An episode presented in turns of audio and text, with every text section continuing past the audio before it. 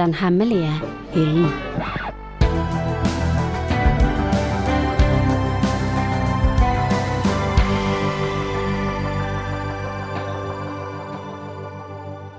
Hei, og velkommen til Den hemmelige hyllen, en podkast fra Bergen offentlige bibliotek. Mitt navn er Robin van der Valle, og jeg jobber på Hovedbiblioteket. Og i denne serien snakker vi om bøker som vi mener burde lånes og leses mer. Og da vi startet med denne serien, var det først og fremst bibliotekansatte som snakket om skjulte perler fra samlingen. Men denne sesongen har vi invitert gjester utenifra til å snakke om sine favoritte hemmelige bøker. Og det er selvfølgelig ikke tilfeldige folk som vi har valgt, tvert imot.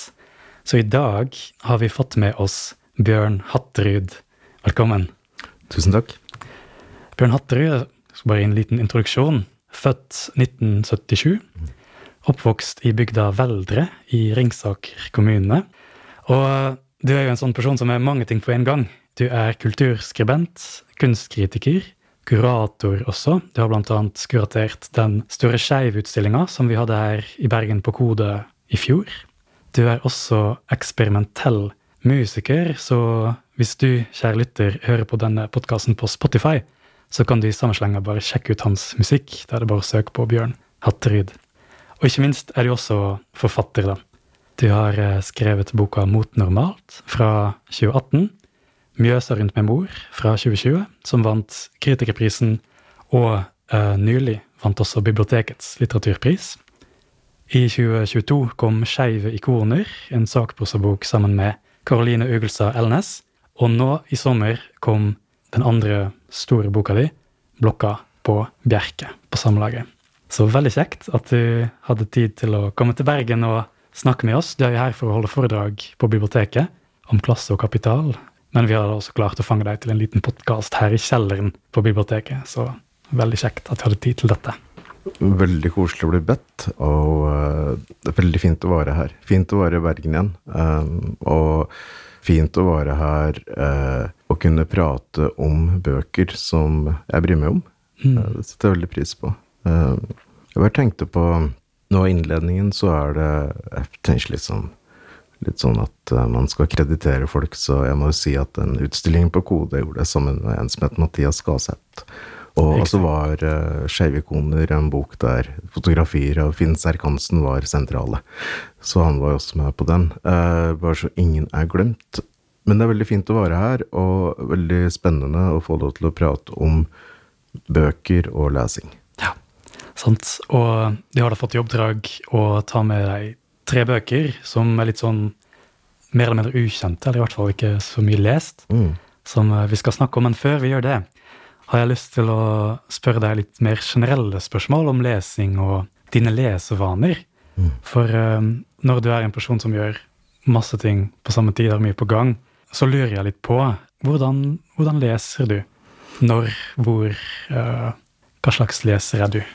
Uh, jeg leser veldig mye forskjellig. Uh, jeg hører mye lydbok. Bruker da apper som uh, Deichman biblioteket i Oslo har. En heter Libby, som da er primært engelskspråklige bøker, og så er det Allbok, som er eh, primært norske bøker. Og der hører jeg bøker etter litt sånn lyst og interesse. Og det er egentlig sånn jeg leser generelt. Av og til så er det jo sånn at jeg leser bok for jeg tenker at den burde jeg lese i. Men ofte så leser jeg bøker uh, som jeg kanskje ikke nødvendigvis har hørt så mye om fra før i media og sånne ting.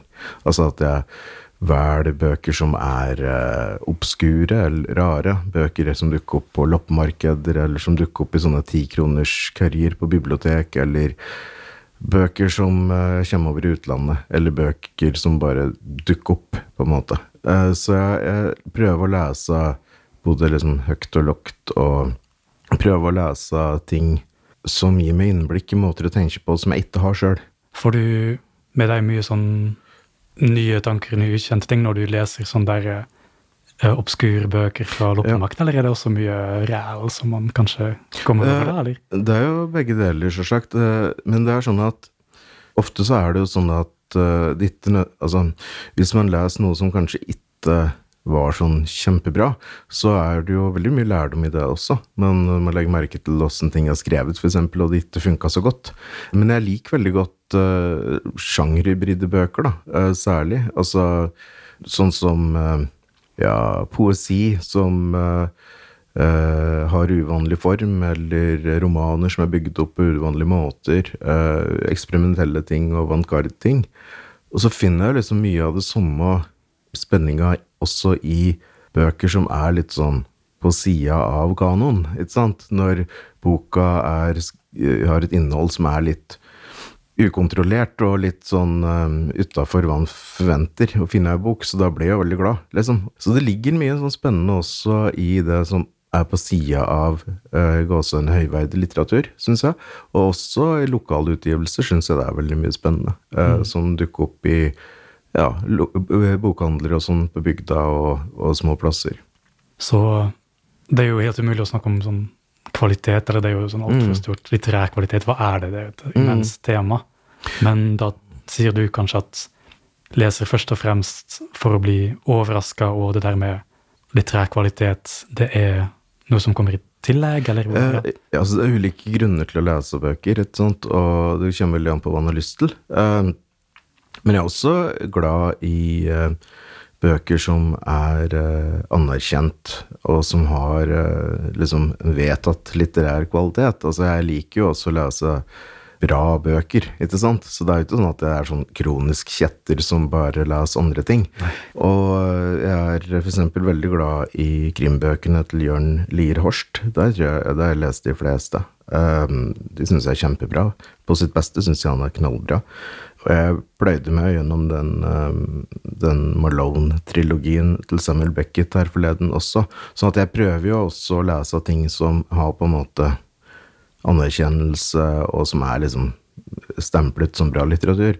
Og jeg elsker jo gode litterære opplevelser. Altså det å sitte med en følelse i kroppen som du ikke kunne fått på noe annet vis enn gjennom den boka, eller at du har vært i et rom eller en situasjon som du aldri i livet ellers ville ha vært i hvis det ikke var for den boka, er jo helt fantastisk, rett og mm. slett. Mm, ja. Hvordan er det med lesing i forhold til din egen skriving, da? Er du en sånn forfatter som trenger liksom andre bøker og andre stemmer mens du skriver sjøl, eller er du sånn som Shirina og trenger en sånn detox fra andre sine tekster? Nei, jeg, jeg, leser jo egentlig alltid, og jeg skriver jo i perioder og sånn. Men det er klart, de periodene da jeg jobber mest intenst, så er det noe litt begrensa hva jeg ellers, da. Men jeg prøver jo å lese da òg, fordi jeg tenker at uh, Uh, ikke at det liksom bare er fornuftig og lurt og sånn, men også fordi at jeg har det så mye bedre enn jeg leser. Det er det er så utrolig terapeutisk å lese. Eh, fordi ellers ender jeg opp med å bruke masse tid på å tenke på meg sjøl, som er bare tull. Eh, eller altså, det er ofte en fæle ting, på en måte. Eh, og det tror jeg veldig mange kjenner seg igjen i. Og det å da kunne lese er jo å kunne skru av sine egne tanker. Samtidig som lesing også setter i gang andre assosiasjoner enn man ellers ville ha fått. Og så hvis du går rundt hjemme, så er det jo litt sånn begrensa over begrense hvor stort spenn av assosiasjoner du får. Eh, tilsvarende hvis en er på sosiale medier, så får en jo ofte servert der man har fått servert før, i mm. bare mer større grad. Men hvis du leser, så blir jo liksom hjernen dratt med ut en eller annen helt annen stand, helt annen plass, og så tenker du helt annerledes.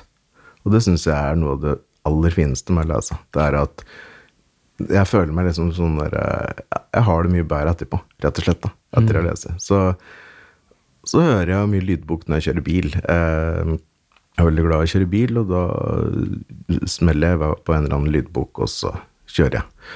Men da tenker jeg at vi kan gå til utvalget som du har tatt med yep. til oss. Tre bøker. Og da lurer jeg først og fremst på liksom, hva er det for en bok, hvorfor har du tatt med, og hvorfor skal lytterne våre lese da? Mm. Så hva er den første boka du har tatt? Altså, De er ganske forskjellige, de tre. Men jeg, altså, den første er um, en uh, diktsamling, poesi, um, fra midten på 90-tallet, kanskje slutten av 90-tallet, av Øystein S. Siner. Uh, og Siner skrives da med Z. Um, Øystein Siner uh, var vel født helt på slutten av 50-tallet, tror jeg, og gikk dessverre bort altfor tidlig, eh, da et frivillig, eh, eget initiativ. Eh, og etterlot seg noen samlinger av dikt som skiller seg litt fra hverandre, men alle berører likekjønna kjærlighet eller seksualitet mellom menn. Og alle berører i større eller mindre grad det å komme fra ei bygd, eh, og, og det gjør meg en. Eh, han skrev Han var vel, etter jeg har skjønt, ganske opptatt av Åsmund Sveen. Åsmund Sveen var jo en karakter i seg sjøl, eh, som var tidlig modernistisk poet, også homo, også fra bygda, og som endte opp med å bli nazist under krigen, og derfor var oversett til dels latterliggjort i mange år. Eh, sånn at eh, Så Siner har beveget seg en del i det samme landskapet sånn tankemessig som jeg har gjort når jeg har skrevet mine bøker. Eh, I tillegg så er han jo opptatt av ta outsidere og ta det å være i en sårbar posisjon og sånn. Og så var han jo en av de som jeg husker liksom etter Prøysen, da, og sånn som jeg leste på dialekt, som jeg tenkte at det her, han får liksom dialekt til å fungere. Sånn at jeg husker at jeg leste Siner en del den tida jeg sto fram, og tida før. Det stemmer nok, med utgivelsesår og sånn. Og jeg husker at det her ga meg en eller annen form for sånn derre eh, humoristisk blikk og forståelse da, på min egen situasjon, som jeg syns var veldig fint. Så jeg har fremdeles stor glede av den boka. Den har vokst med meg. Så herifra til evigheta, Herifra til evigheta, ja. det Det er er den diktsamlinga du har valgt. Det er riktig. Det finnes en sånn samling, tror jeg, som kom for noen år siden, med liksom alt av han i ett. Uh, og jeg har jo flere av de uh, uh, bøkene hans, men det er den der som jeg leste først, og det er den som liksom sitter i meg, da. Eh, og her er det sånne landskaper med enslig gubbe på moped som putrer av gårde, og som uh, Siner sier at han har ikke hørt om Foucault, blant annet. Eh, sånn at han, men han har liksom levd sitt liv lell. Eh, og det handler mye om eh, folkelynnet og hverdagsspråket på Hedmarken. Ja, for den er også i sin helhet skrevet på hedmarksdialekt. Den er det, Ja. og en ganske dialekt som er relativt nære den jeg vokste opp med. Mm. Eh, den er, eh, han er, var vel ifra uh, Romedalstrakten eller noe sånt. Der, det betyr altså han var fra litt lenger sør og litt lenger øst enn der jeg vokste opp. Og eh, jeg tenker at det som er med Siner, er at for meg så er han veldig viktig fordi at han knyter sammen mange ting. Det ene er liksom den hverdagsopplevelsen på bygda, og også det å være homo en tid da det fremdeles ikke var så greit. Eh, og også det der, eh, at han skriver seg sjøl på en måte inn i norsk eh, liksom poesikanon gjennom det at han er opptatt av eh, Åsmund Sveen og sånn. Og så er det jo Det er et eller annet der som gjør at jeg tenker at, at det er synd at uh, han ikke blir lest mer i dag, rett og slett. Uh, og så er det jo veldig lett tilgjengelig dikt, da. Altså det er uh, Som samtidig har dybde, og som samtidig også lager uh, Beskriver da rom eller en situasjon. Altså det her er jo poesi i poesiens liksom mest renskårne form, gjennom at det er jo ikke snakk om en fortelling, det er jo snakk om et øyeblikk eller en situasjon. Sjøl der han bruker liksom flere sider og beskriver en eller annen form for handling som skjer, så er det jo egentlig bare et øyeblikk som han fanger opp, og jeg syns det er veldig, veldig bra. Ganske sånn prosaisk, hverdagslig. Ja, absolutt. Ja. Mm.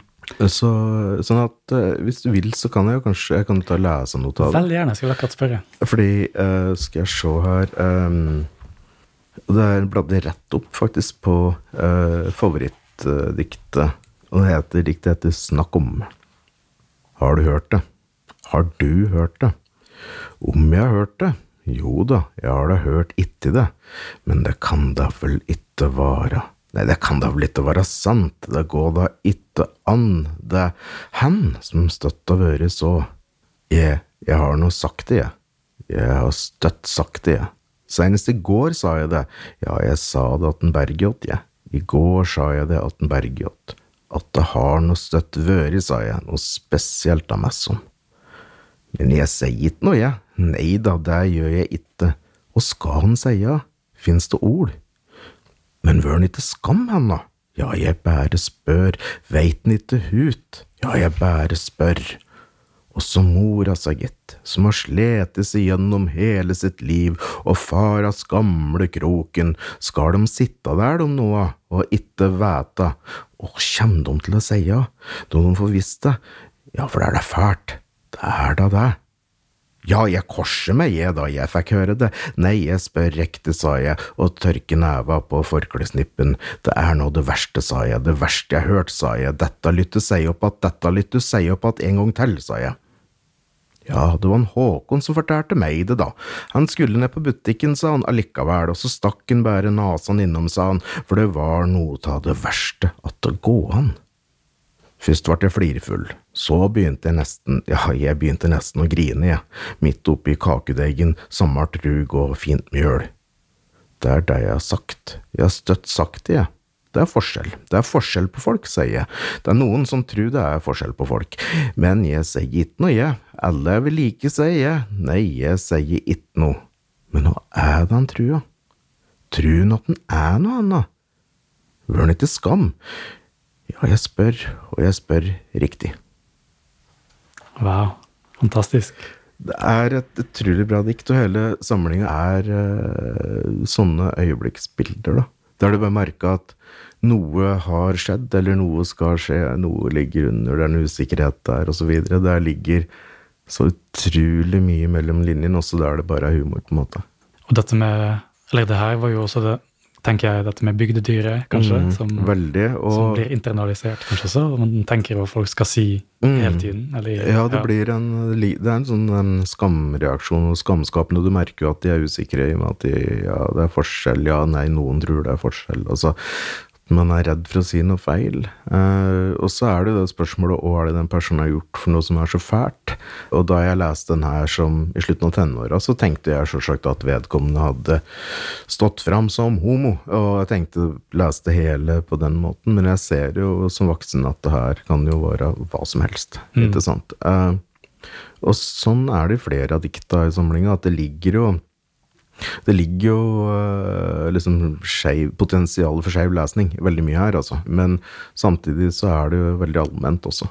Så altså, jeg, jeg skulle virkelig ønske at Siner eh, ble løfta fram igjen. Eh, kanskje særlig nå som det er mange eh, relativt unge folk som er litt sånn sultne på eh, skeiv norsk litteratur.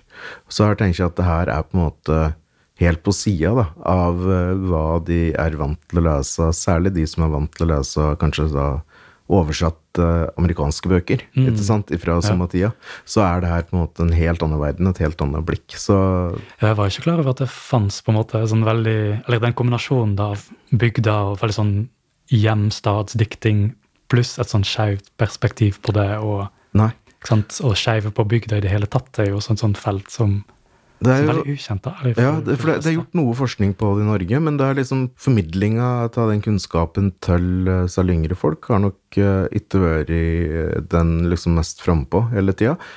Uh, og det, nei, det er veldig Jeg syns det, det er et veldig spennende felt. Uh, og jeg tenker også at en del sånn relativt tidlig Sjøl om det her er 60 år etter Åsmund Sveen, som si relativt tidlig liksom artikulert skeivt blikk da, i, form av litteratur, tror jeg på midten av 90-tallet så tror jeg en del av det drukna litt og ble sett på litt som liksom enten novelty eller oddity. Altså enten noe som er sånn nymotens morogreie, eller bare noe sært. Mens vi nå kanskje kan tenke at hei, her ligger det en inngang til landskaper og kunnskaper da, om eh, en tidsånd og sånn, som er vanskelig å finne ellers. Jeg tenker også, Det er sånn et par setninger som står på baksida her, som jeg syns var interessant. For det, den bygda der det her spiller seg over da Valset. Valseth, ja. sant? Og så står det her Er Valset nowhere in Norway? Bygda som norske forfattere, hvermann og gud har glemt. Kanskje du har vært i Valset, du òg. Du har bare ikke merket det. For du har ikke stanset, sett deg ikring. Mm. Og da tenker jeg òg litt sånn på ditt eget forfatterskap, da. At du har liksom vist i f.eks. Mjøsa rundt min mor, men også Blokk på Bjerke, den der eh, oppmerksomheten for steder der man ikke stanser og ser seg kring til vanlig. Sånn små samfunn på sida, og kanskje ikke de vakreste stedene heller. Hva er det med disse stedene som, som trekker deg til seg? Tusen takk, det var kjempekompliment, da. Jeg, jo, nei, altså, jeg um, Det er vel også igjen litt det samme med uh, å prøve å finne av de andre fortellingene, på en måte. Fordi uh, det er ganske mange fortellinger og skjebner og perspektiver som er blitt godt mediert uh, gjennom litteratur. Og så er det andre som ikke er blitt omtalt så mye. Og jeg tenker at det ligger jo noe potensielt interessant i absolutt alt, i alle slags folk og i alle slags sosiale situasjoner og alle slags rom, hvis man bare sant? Det er sånn Apropos skeivt perspektiv, hvis du tenker på John Cage, eh, amerikansk avantgarde-komponisten som er mest kjent for stykket 344, altså som er stillhet i 3 minutter og 44 sekunder. Han Unnskyld, 433? 4 minutter 33 sekunder? 3.44? Ja, en av greiene. Eh, han var jo veldig opptatt av uh, ta meditasjon og alt som var sakte og stille. fun fact var at han og mannen dyrka jo sopper til sånne gourmetrestauranter på Manhattan for å overleve finansielt, så de dyrka sopper hjemme.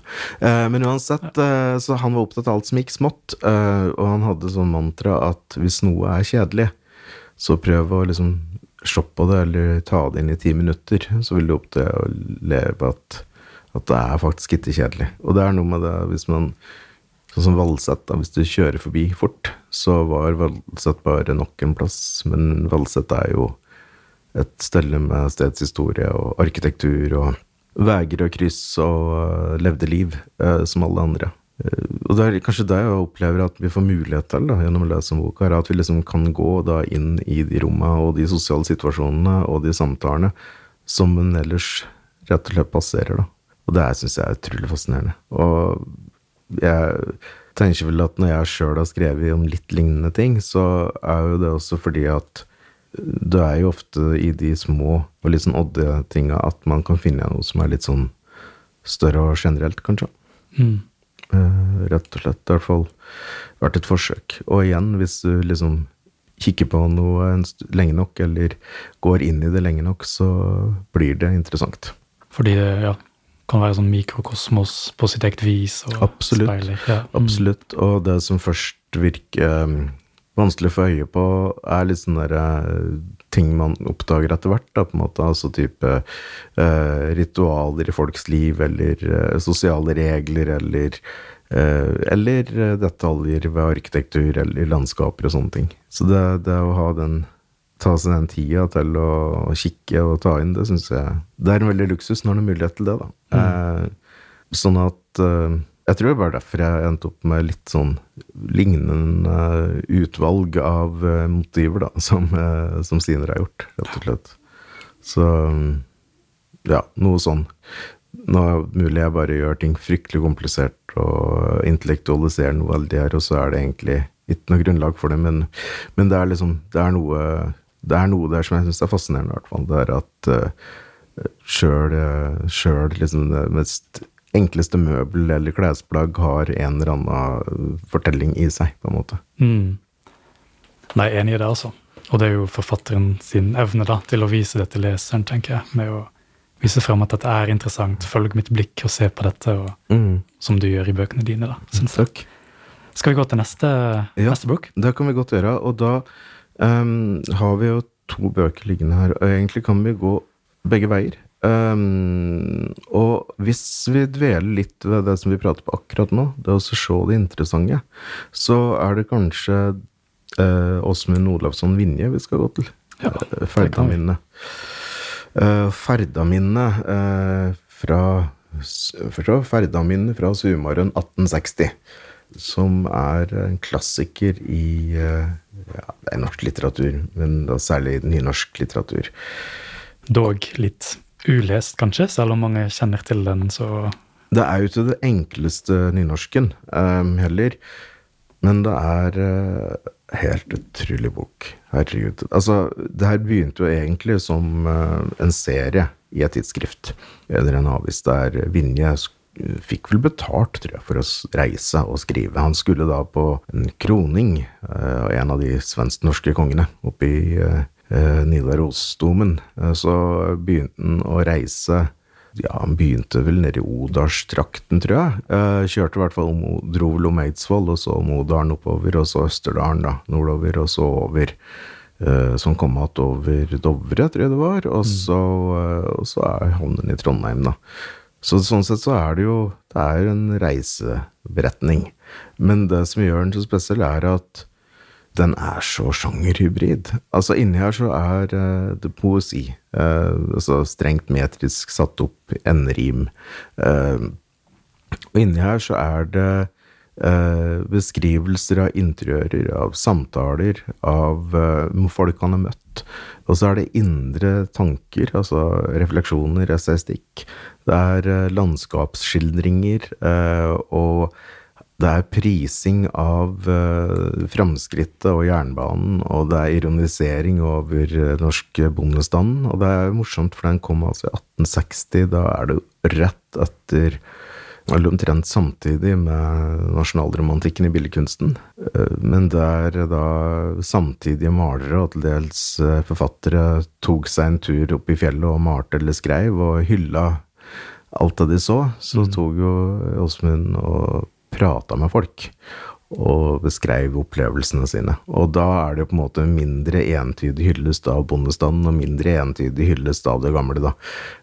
Boka er til dels utrolig morsom. Eh, blant annet når han besøker en bonde. Eh, ja, så kan først si han prata jo med ei kone, bondekone, da, og hun prater jo på hvor stygge fjella var. Altså, fjella var så heslige. De var så grusomt stygge. Uff, uff, det var så fælt.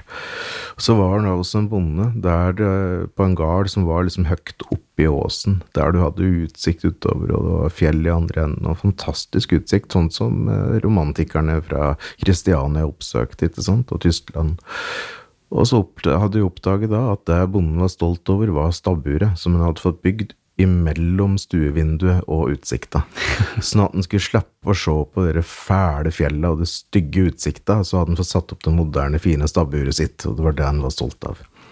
Ellers så beskriver boka tidlig turisme i Norge. Den beskriver den første jernbanen. eh, Den beskriver folk som han har møtt, som sagt, og inkludert også da kvinner han har blitt fascinert av. Og det boka også skriver mye om, er på en måte ting som Det er ting ikke går som planlagt. eh, Der maten var dårlig eller vond der, og så. Så den bærer preg av å være sånn umiddelbart skrevet reisebrev. Men det gjør òg at den har så utrolig eh, verdi i ettertid. For den, når du leser den, så er det sånn at du, eh, du Her veit du virkelig ikke hva som skjer på neste side når du leser. Det er, eh, og det er kjempespennende. Ja, hvorfor skal vi lese den i dag? Er det liksom litt den der antikvariske verdien at vi får innblikk i hvordan Norge var på den tida i disse regionene, eller Ja, litt, eh, men kanskje også litt fordi at boka justerer en del eh, forestillinger som folk har, da, på en måte, om eh, den staute norske bonden som elsket naturen, og for, for å ta det åpenbare eksempelet. Men også fordi at den viser til dels og moderne folk tenkte, sjøl for eh, 163 år siden. Og den viser eh, Og så er det som sagt det er underholdning, rett og slett. Det er eh, underholdende og morsom lesning. Eh, sånn at Så jeg Ja, jeg, jeg syns den er kjempegod, og et kjempegodt eksempel på det derre sjangerureine, litt rotete, som jeg syns er veldig fint. Og så er det som sagt lettlest, sjøl om da språkdrakten jo er ganske gammelmodig, da. Mm. Jeg kan ta og plukke den opp her, får vi se. Den er jo på sånn ja, 250 sider cirka. Og så eh, inni her, så hvis man bare ser på mellomtitler, som det er rikt av, så har du da en mellomtittel som heter 'Menuetten til Steinberg'. Da er det et altså om et stykke musikkstykke. Det neste er Grauten på Grut, som da er om en graut som ikke var så behagelig å ete, ikke sant? Og så, eh, og så neste er Fantefylja, da skriver han om da han møtte reisende, romani. ikke sant? Og sånn fortsatt bare boka, og beskriver konkrete ting. En mellomtittel er Min første natt i Trondheim. Og overalt så er det veldig mye moro. Så eh, jeg anbefaler den på det varmeste til alle. Jeg må også tenke litt på din egen skriving igjen, da. Tenkte sånn, Mjøsa rundt med mor. Mm.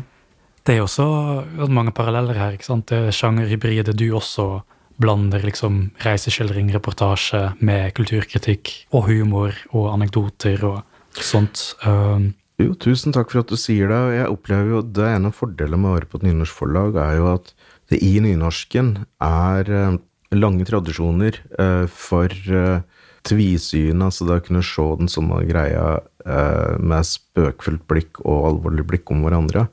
Eh, og det er jo veldig mange, også yngre nynorskforfattere, som Altså yngre enn Vinje, det skal jo godt gjøres å være eldre, da. Men han eh, så, Yngre nynorskforfattere som eh, har eh, kombinert det å skrive liksom var, var poesi i en bok, ikke sant, og så en eller annen rabiat eh, fortelling om fylla på en måte i det neste, og kombinert Eller kombinert eh, eksperimentelle, eh, modernistiske forsøk i én bok, og så noe veldig folkelig i det neste. ikke sant? Altså Tenk Einar Økland, eksempel, som har en stor produksjon der det er alt ifra veldig presis og vare dikt til bøker om eh, folkekunst, og også Norges første splatternovelle skrev hun jo i tillegg. Og, så nynorsk har en sånn tradisjon for å være et rom der det er lov å bryte sjangergrenser.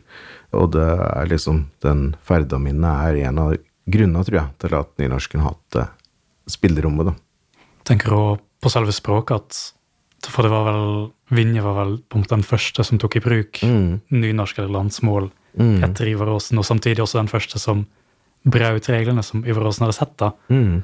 Og sant, jeg tror Aasen var ganske sånn pissed på Vinje at han ikke fulgte de reglene som han hadde liksom i ordboka og grammatikken sin. Mm. Er det noe med ja, nynorsken som, som får fram liksom, ønsket om å rebellere og sprenge Ja, jeg tror det. Mm. Eh, Og jeg tror også det at uh, nynorsken opprinnelig i hvert fall skulle være en stemme nedenfra. Det skulle jo liksom være stemmen fra bygda, ifra de lavt utdanna, ifra eh, de strukturelt sårbare osv. Så videre. sånn at det ligger jo sånn sett en form for opprørskjerne i nynorsken. Og så er det som du sier også en stadig eh, Det har jo vært en stadig pågående kamp og eller diskusjon innad i nynorsken, åssen nynorsken egentlig skal være, åssen det egentlig skal skrives, eh, som òg er interessant. Så, men også, tror jeg, rett og slett bare det at i og med at nynorsken har vært såpass marginalisert og relativt lite som skriftspråk, så har det kanskje også blitt en større åpning for at eh, de skribenter som er med, og forfattere som er med, får lov til å gjøre ulike ting da, om hverandre. Får lov til å prøve ut ulike sjangre og sånn. En frihet som ligger i utenforskapet. Ja, jeg tror det. Mm. jeg tror det. Og det syns jeg er litt vakkert. Ja. Rett og slett. Skal vi kjøre videre til neste bok, kanskje? Det kan vi gjøre, og da havner vi jo her i Bergen. Um, Ja.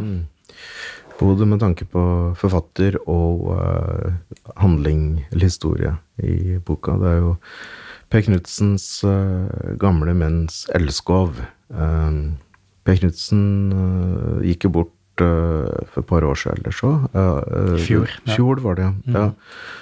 Eh, det var eh, veldig trist. Han var jo en veldig aktiv forfatter som var kanskje særlig kjent og aktet for barne- og ungdomsbøkene sine.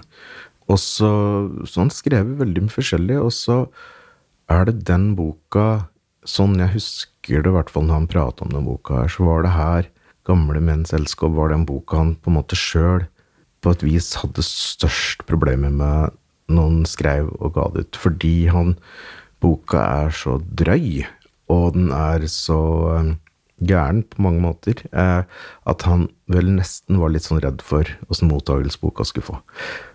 Og grove trekk så handler boka om et uh, cruisingmiljø rundt pa parken mellom Lille Lungegårdsvann og Rasmus Meyers allé. Og cruisingmiljø, la oss si altså et sted der menn møttes for å ha sex med hverandre.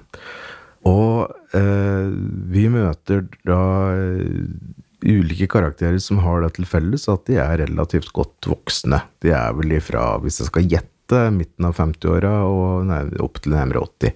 Mm. Eh, og der du har karakterer sånn som uh, altså, han vi vil møte først, som betaler en uh, mann uh, av Lurer på om han var marokkansk bakgrunn, som han betaler da en gang mannen for å ligge med seg. Og så møter vi en annen karakter som er en gammel bodybuilder, som er gedigen, og alt på han er stort, inkludert penis og pung, som liksom henger langt ned på låra og sånne ting. Så er det beskrivelser av åssen de ulike har seg med hverandre, og alt som oppstår. Uh, men det som også gjør boka så interessant, er jo at den er jeg har flere eksempler på en form for magisk realisme. Um, den første er jo at det er en form for magisk realisme at det hele tatt var et sånn cruisingmiljø der. Fordi jeg, jeg, jeg, var jo så heldig å, å bli bitte litt kjent med Per Knutsen, så vi meldte litt på Messenger og sånn. og så jeg skrev jeg gleder meg til neste gang jeg kommer til, kommer til parken der, for da skal jeg oppsøke det miljøet og si hei. Og han bare sånn, ja, jeg tror du blir litt skuffa. Men det bygger jo på noe som er reelt, og det er at uh, det pissoaret i Rasmus Meyer Chalet, uh, det har jo vært til bruk for cruising i uh, antageligvis mer enn 100 år. det her var jo, etter jeg har forstått um, Altså, da prater vi jo ved sida av kode der, så er det et lite pissoar. Uh, og det var, etter det har forstått, en rest av en tidlig jernbanebygning før en jernbane ble flytta der den er nå. Og internasjonalt sett så har jo jernbanepissoar vært cruisingområder, så det har mest sannsynlig vært et møtested for menn uh, som uh, har sex med menn, helt siden huset ble bygd. Mm. Så sånn sett så er det jo en logisk plass å legge historien. Men de karakterene han skriver, er jo såpass outrerte at de vil jo aldri funnet i en liten by som Bergen. Uh, og det, det, gjør er veldig spennende.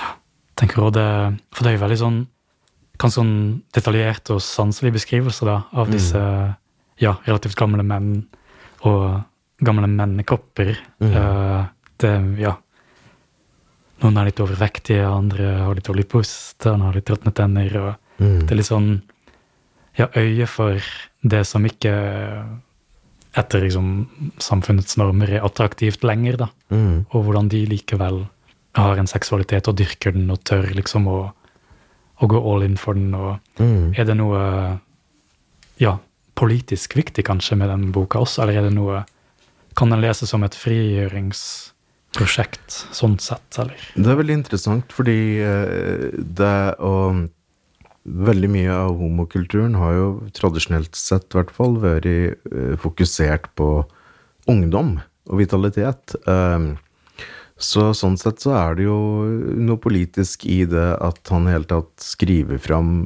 uh, karakterer som ellers ikke er skrevet mye om. Mm. Og som da er så til de grader skamløst seksuelle eh, med hverandre og andre folk. Og så samtidig så skriver han jo inn sånne ting som at han ene kommuniserer med sin avdøde mor, eh, mener jeg husker.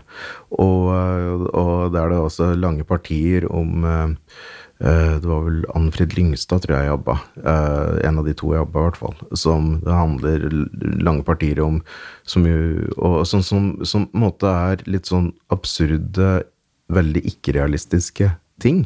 Og som jeg da tenker er med på liksom, å gi en følelse av at det her er, kunne vært virkelig, men det her er ikke virkelig.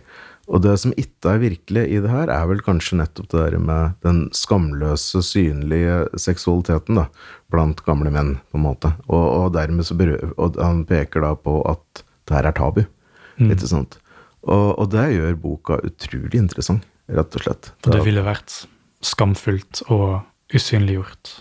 Mm, tror, ja, ikke sant, og er det sikkert, da. For, mm. sant, Folk har jo en seksualitet ut livet, sånn at uh, på ulike måter. Så det er vel det han uh, viser fram, da, gjennom at det her er liksom sterke karakterer med sterke historier.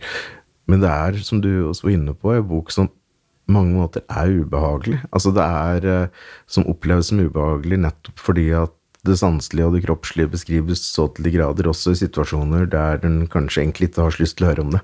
Mm. Så, så det er jo litt sånn overskridende bok, men den er uh, underholdende også. Uh, og uh, maler fram et Bergen som uh, kunne ha vært, som er utrolig fascinerende lesning, da. Mm. Hva betyr den boka for deg? Hvorfor har du Nei. tatt den med? Jo, fordi jeg har tatt den med fordi at Litt for å få anledning til å nevne Per Knutsen når jeg er i Bergen, Det er veldig fint. eh, som jeg tenker er litt viktig. Eh, Man har hatt en stor forfatter her eh, som ikke alle har visst om. Og så er det det at den boka er så lite typisk norsk roman. Ja, uff, Nå kommer jeg sikkert til å få liksom folk som uh, satt pris på huet mitt når jeg sier en sånn setning, men, men poenget er at det er en kombinasjon av magisk realisme, eh, men da brukt på en sånn folkelig måte, eh, kombinert med seksualisering av personer som eh, det er tabu å seksualisere, kombinert med liksom gater som man kanskje tenker passer best til en Varg VM-bok. Altså det er, det er noe her, det er en kombinasjon som er så uventa, og som gjør at jeg syns det er en veldig interessant lesning, rett og slett. Er det noe med um, representasjon som er um, tenker kanskje litt sånn rød tråd gjennom alle de tre bøkene Mm. som de har tatt med? At det er ikke sant, Vi hadde bygda Mm. først, Skeiv på bygda, så hadde vi reiseskildringer fra en fjern fortid, Mm. og så nå et ukjent miljø, og kanskje ikke-eksisterende miljø, og i hvert fall en, en seksualitet som, som fins, men som ikke blir skildra fram. Og så tenkte jeg kanskje også dette med utenforskap innenfor utenforskapet, at man kan oppleve sånn dobbel Mm. Til og med i den skeive gruppa så kan man igjen bli ekskludert, kanskje, og igjen havne på et sånn sidespor. Er dette sånn Ja, er dette derfor du har tatt med disse bøkene, eller? Uh, ja, jeg tror ikke du er helt på jordet der, nei. Eh, jeg tror at uh, uh, Men igjen kanskje mer enn eh, objektene eller eh, situasjonen eller gjenstanden de representerer, så er det kanskje mer det at alle de her har til felles at de gir innblikk i en verden som eh, ligner på noe kjent, men som allikevel er litt annerledes.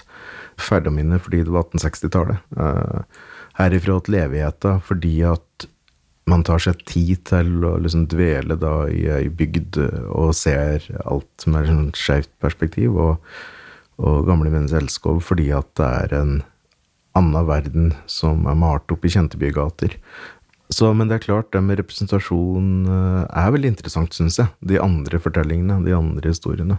Det syns jeg alltid er veldig, veldig spennende. Og jeg blir jo veldig glad når jeg kan lese noe som overrasker. Um, helt til slutt, for nå kommer vi snart på slutten av samtalen, lurer litt på hva Nå har du akkurat gitt ut en bok, da, Blok- 'Blokka på Bjerke', som har fått uh, strålende mottakelse, og som tar utgangspunkt i sant, en høyblokk på Bjerke, der du bodde i 13 år, i tredje etasje, og skildrer da fram hvordan du havna der, og hva slags mennesker du møter der. da. Du blir liksom langsomt kjent med alle de som bor der, naboene dine.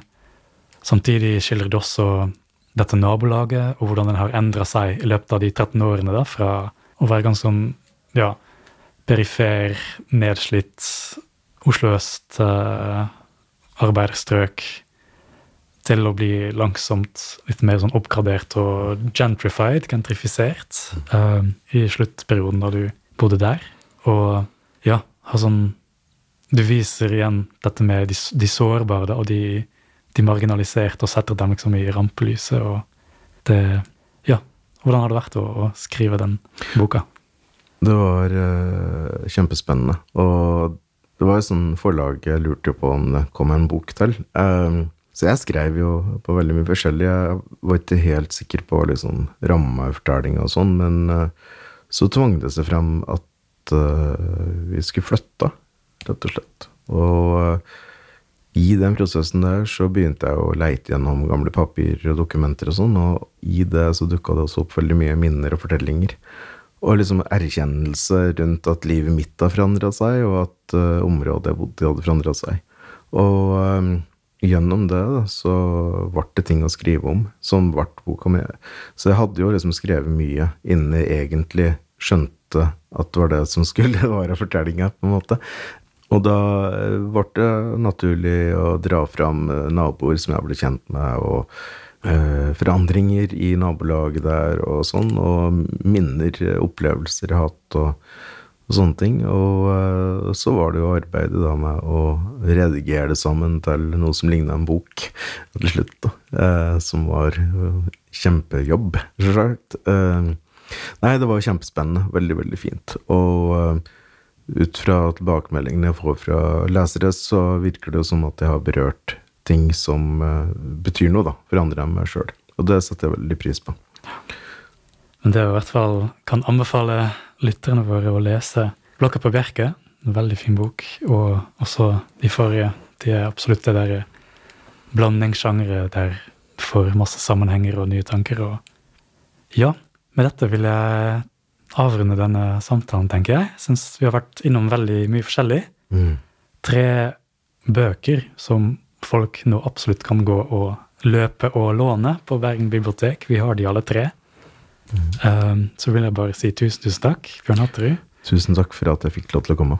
Sjøl takk. Og så snakkes vi på neste episode. Ha det bra. Du har lytta til en podkast fra Bergen offentlige bibliotek. Du finner flere podkaster fra oss på våre nettsider bergenbibliotek.no, eller der du lytter til podkast.